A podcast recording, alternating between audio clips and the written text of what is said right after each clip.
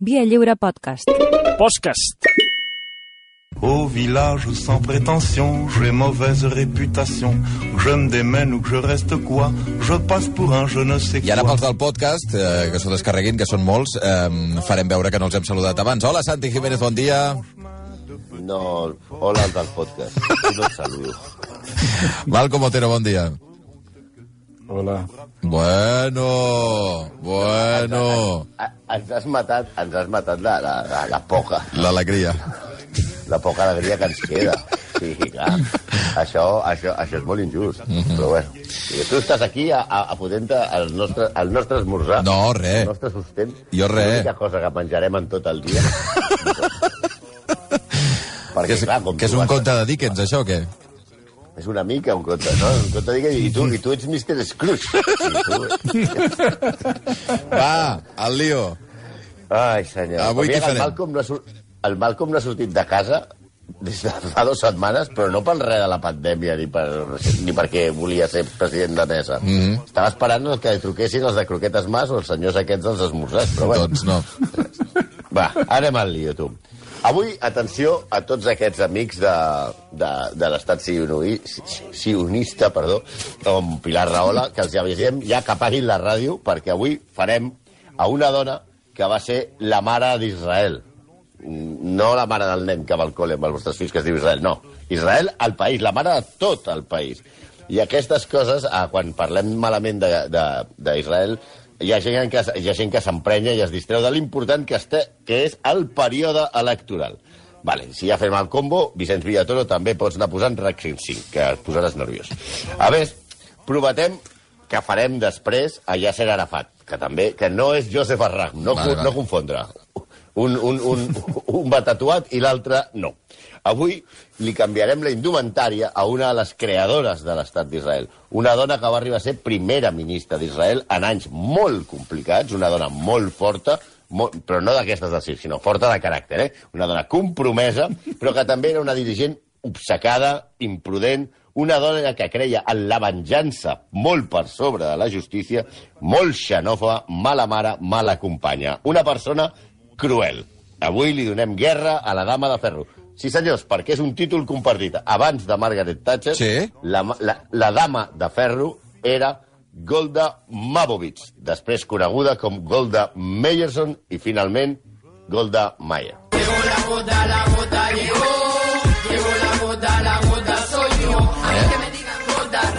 Pues ya sabes, mi hermano, no podíamos dejar de poner la canción de la Golda, Però no, canciones de pinga. diu Gorda, no Golda.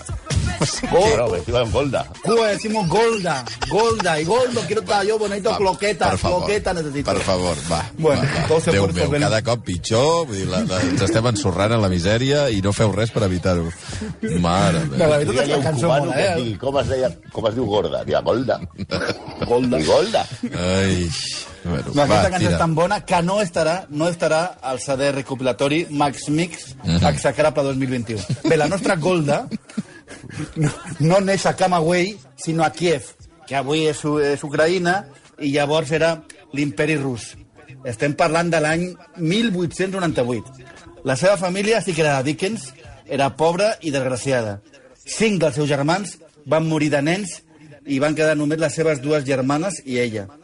En aquella època els jueus patien pogroms, Eh? anti, antisemites, pogroms. Ah. Que no, que no, és que, no, no, és que, no és que estiguin menjant un polvoró i vulgui dir Sí, sí, sí. programa, no, no. Sí, sí, ja saps que són, són, són aquests linxaments i massacres contra la comunitat jueva.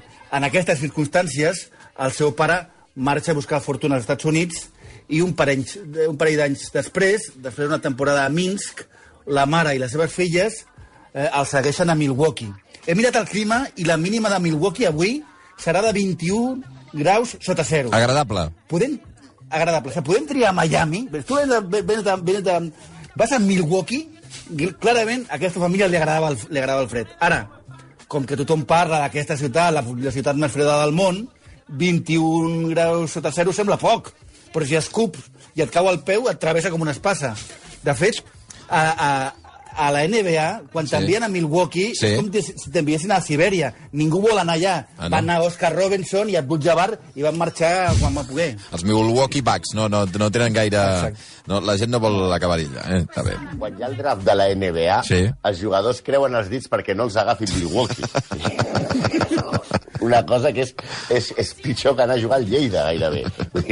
Però, però, però clar, aquestes famílies se'n van de Minsk, mira com devien estar a Kiev i a Minsk, que troben que Milwaukee és, ah, està molt bé. Però què passa?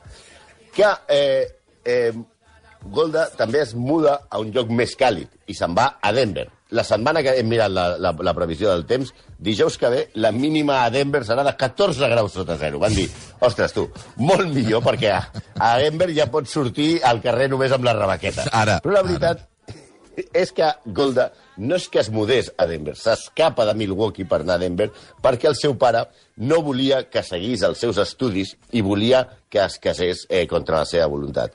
A Denver ella coneix a, a un home, també jueu, que es diu Morris Meyerson, amb el qual es casaria anys més tard. A partir d'aleshores, òbviament, es diria Golda Meyerson. Ella ja era, en aquella època, una activista sionista i una convençuda de la independència de l'Estat d'Israel. Així que ells, el matrimoni, marxen i se'n van a Israel. I allà ella es fica en política i es fa dirigent de l'organització sindical més important de la zona. I es va distanciar del seu marit mentre ella eh, progressava a la seva carrera política. I quan diem distanciar no vol dir que no es parlessin o que, o que allò se les rompió l'amor de tant usar-lo. Ella se'n va a viure a Tel Aviv i ella es va quedar a Jerusalem que queda, qualsevol que hagi estat a les dues ciutats comprovarà que la llesta clarament era, era ella, no? Que, no hi ha color entre les dues ciutats. Mai es van arribar a divorciar, però ella va tenir múltiples amants, és el que té Tel Aviv, que és una de les ciutats amb més bici del món, Ah, sí? la majoria casats amb alguns d'ells, com David Remes, que segons la seva biògrafa, Francine Clansburg, va ser l'amor de la seva vida, l'amor de tota la vida de Golda Meir. Amb aquest David Remes manté una llarga correspondència al llarg dels anys, amorosa, amb clau per no ser descoberts, perquè ells epala. estaven, estaven casats, tots dos. No hem llegit la correspondència, no s'ha publicat, però ens imaginem que tenint en compte les tàctiques del Mossad i de tot això, devien ser eh, cartes en clau tipus eh, voy a ocupar tus altos del Golán, voy a ser colono en tu franja... Escolta'm, noi, va, per favor. Eh? Què és això? Això, això, això ho posem perquè Sí. ara parlarem del seu nom. I, Sí. I dues persones joves aquests, aquesta setmana em pregunten eh, qui fareu aquesta setmana? I al contestar jo, Golda Meir, em van dir la de la Metro. Oh, oh, oh, oh, oh, oh, no. Això t'ho has inventat. Sí, sí. No, no, t'ho juro, t'ho juro. Havia de posar... Havia De la posar Metro. Gold, Goldwyn Mayer. Clar. Clar. Eh, bueno, però per anar al gra. Ella és una grandíssima captadora de diners eh, als Estats Units. En un sol viatge va recaptar 50 milions de dòlars per Israel, que vaig entendre per els textos que els portaven efectiu, no sé com, com, com eren de grans bitllets. Va ser, de la mà de Ben Gurion, una dona importantíssima en la creació de l'Estat d'Israel, va ser ambaixadora a la URSS, on, per cert, he vist que va, va, va conèixer a Vieslav Molotov, el del còctel. Mm. Es, va com, es va canviar el nom de Meyerson a Ma- Mayer perquè era més jueu i es va fer ministre de Treball primer i d'Exteriors després. Com a ministre d'Exteriors es va començar a veure's el caràcter. Primer, després de la nacionalització del canal de Suez per part d'Egipte, va ordir aliances amb França i Anglaterra per atacar Egipte i envair la península del Sinaí. Per això s'entén dintre del marc de la guerra dels països àrabs contra el recent estat d'Israel. Així tot, ella sempre millora les coses, ja veurem. Oh. Mira'l. Mira, per què posem aquí? Tito, tito, tito, tito, tito, Pues per què? tito. Perquè una de les coses que us hem parlat a la, presenta... joder. a la seva presentació és que tenia un doble caràcter, una, eh, que era una cara girada. A veure, i, i per què posem-ho de Polònia? Per, per això. Ella sempre havia estat una gran partidària, ella mateixa ho va fer, de la immigració dels jueus a Israel per poblar de nou el nou estat i fer un estat fort amb israelians. Bé, això, eh, ella eh, ho va començar a fer, però després no va veure tan clar i va entrar en el que es coneix com la immigració selectiva. Atenció en aquest concepte. Segons el diari Haaretz, que va tenir accés no fa massa a uns documents secrets, Meyer va escriure a l'ambaixador israelià a Varsovia, que es deia Katrit Katz, a l'abril de 1958 i li va dir el següent. Ai. Atenció.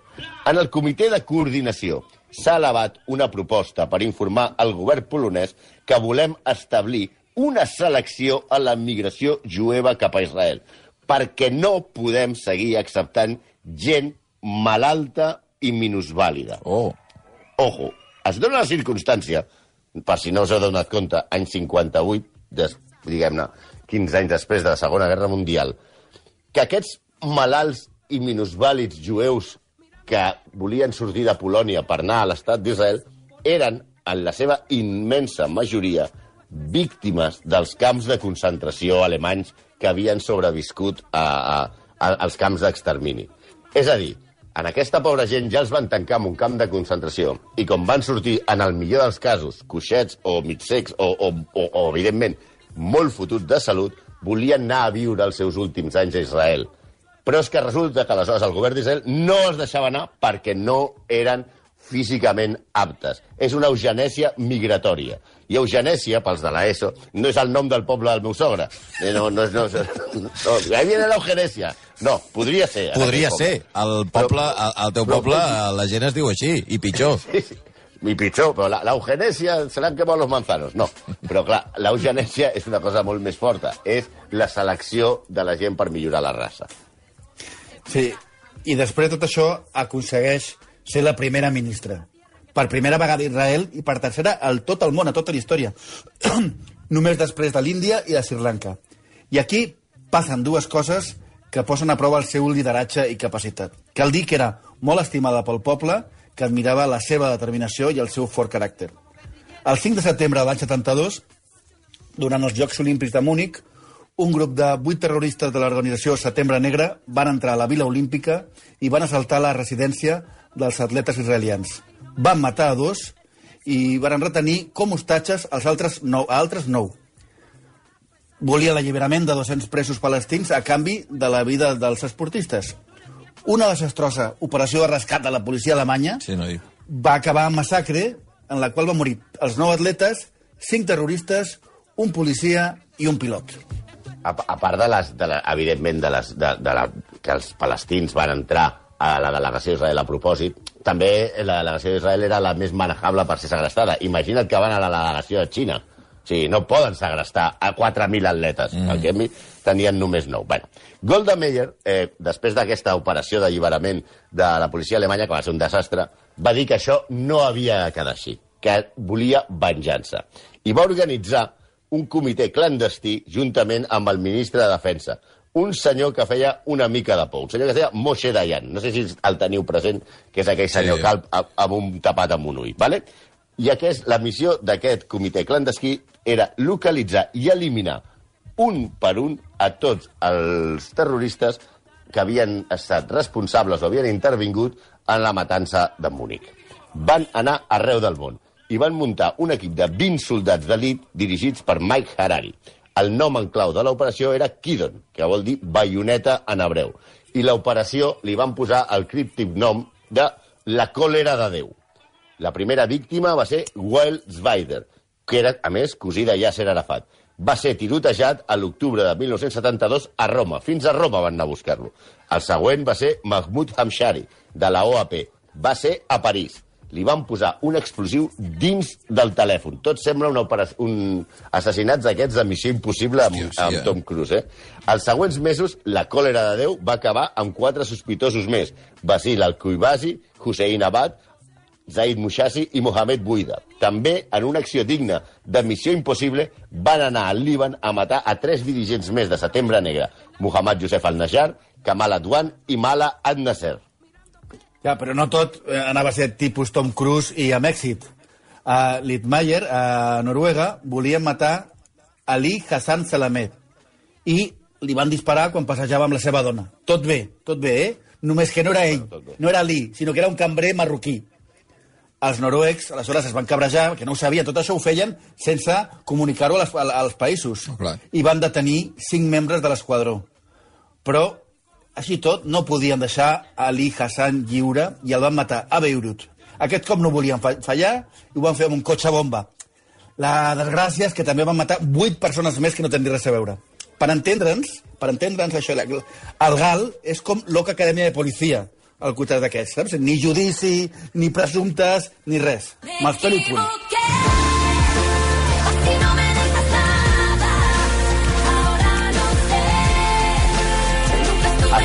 Equivocar. Ara, ara... I es van seguir aquí. Ah, I vale. es van, Dic ara que venia ara la, la música amb Golda Meir. Bueno, d'acord. M'he van equivocar. I, seguien, I ella mateixa va reconèixer després que es va equivocar, però amb una altra cosa. Qui és aquesta, la Anem a del M'equivoqué? Sí. Ventino, és un grup de noies, així horteretes, eh, que canten una estona... O sigui, és una història d'una noia, però la canten sis. Ah, Ridícul. Bueno, escolta'm, fan el que poden. Va, tira. La van fer mentre anaven al lavabo. Anaven totes Va! Va, va, tira, tira ja. Anem a Tira ja. Va, va ser l'any... Posem-nos en situació. Any 73, 1973. El dia més sant de l'any jueu és el dia de l'expiació, el dia del Yom Kippur. Sí, senyor. Aquell dia, que mm, a l'estat d'Israel és sagrat, no, no, no es fa res, les tropes egípcies i sirianes ataquen la península del Sinaí i els alts del Golan. Per entendre bé el que va passar, avui estem donant molta informació per això, aquests territoris els havia tret abans Israel a Egipte i Síria sis anys abans en el que es va conèixer com la Guerra dels Sis Dies, que curiosament va durar sis dies. Per això es diu la Guerra dels Sis Dies.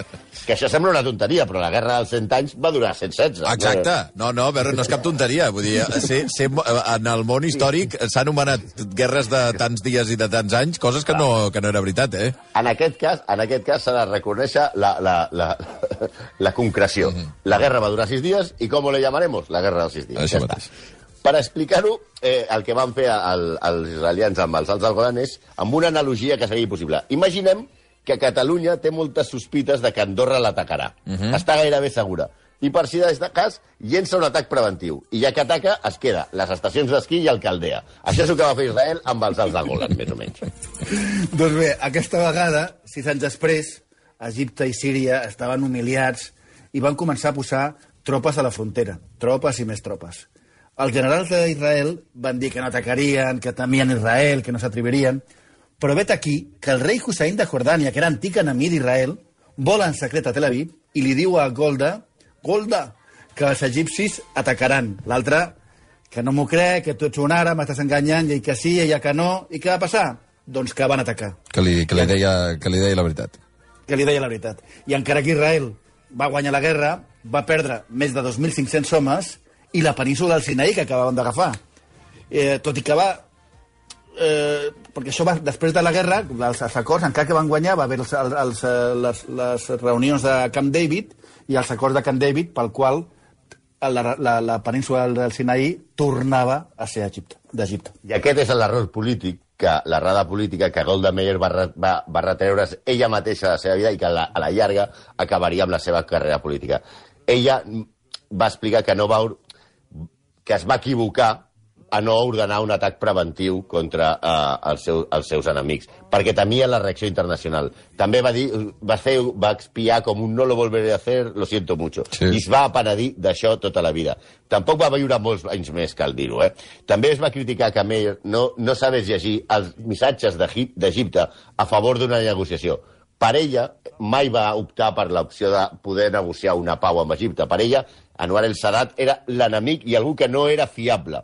Va escriure-li a Yigal Kibnis en el seu llibre Cap a la guerra, que cita unes paraules del secretari d'Estat nord-americà, que sempre estava en totes les salses, el senyor Henry Kissinger, que li va escriure a la dama de ferro de Jerusalem.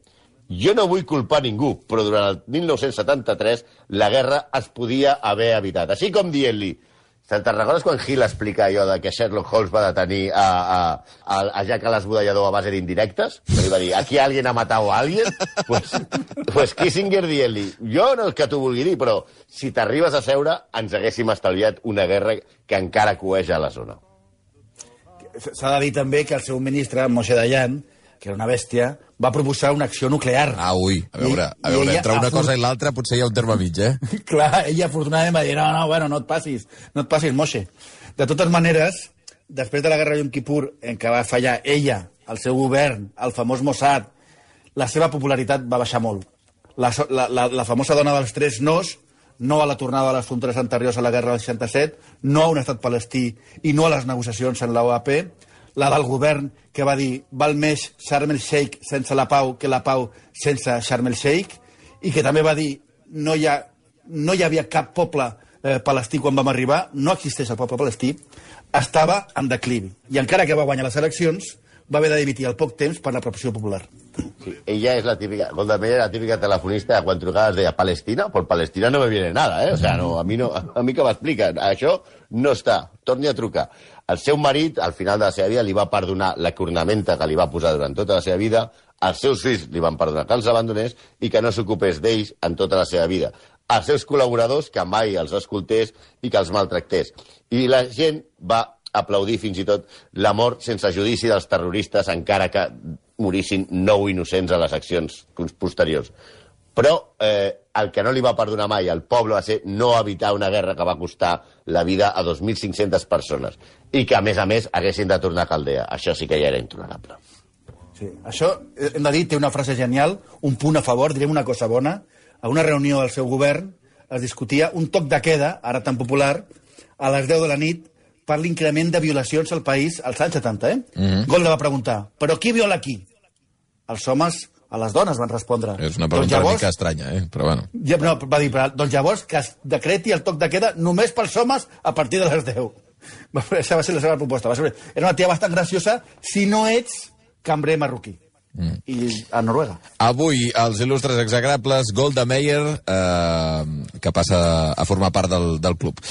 Eh, Santi, Malcolm, re, eh, Tot bé? Disculpa, Pilar, eh? no, no, no, jo estava pen- pensant en l'altra cosa, no. Eh, No, no, no vull, ni, no vull ni pensar en això. No, no, No. no, no, no, estava vull la ni que ho comentis. aquí, també? no, el Blai està a la redacció i el paquet està aquí intacte, eh? Vull dir que de, de, de moment està intacte. Vull dir, no puc garantir que en les pròximes, eh, posa-hi 5 hores, això No, no, no. canvi.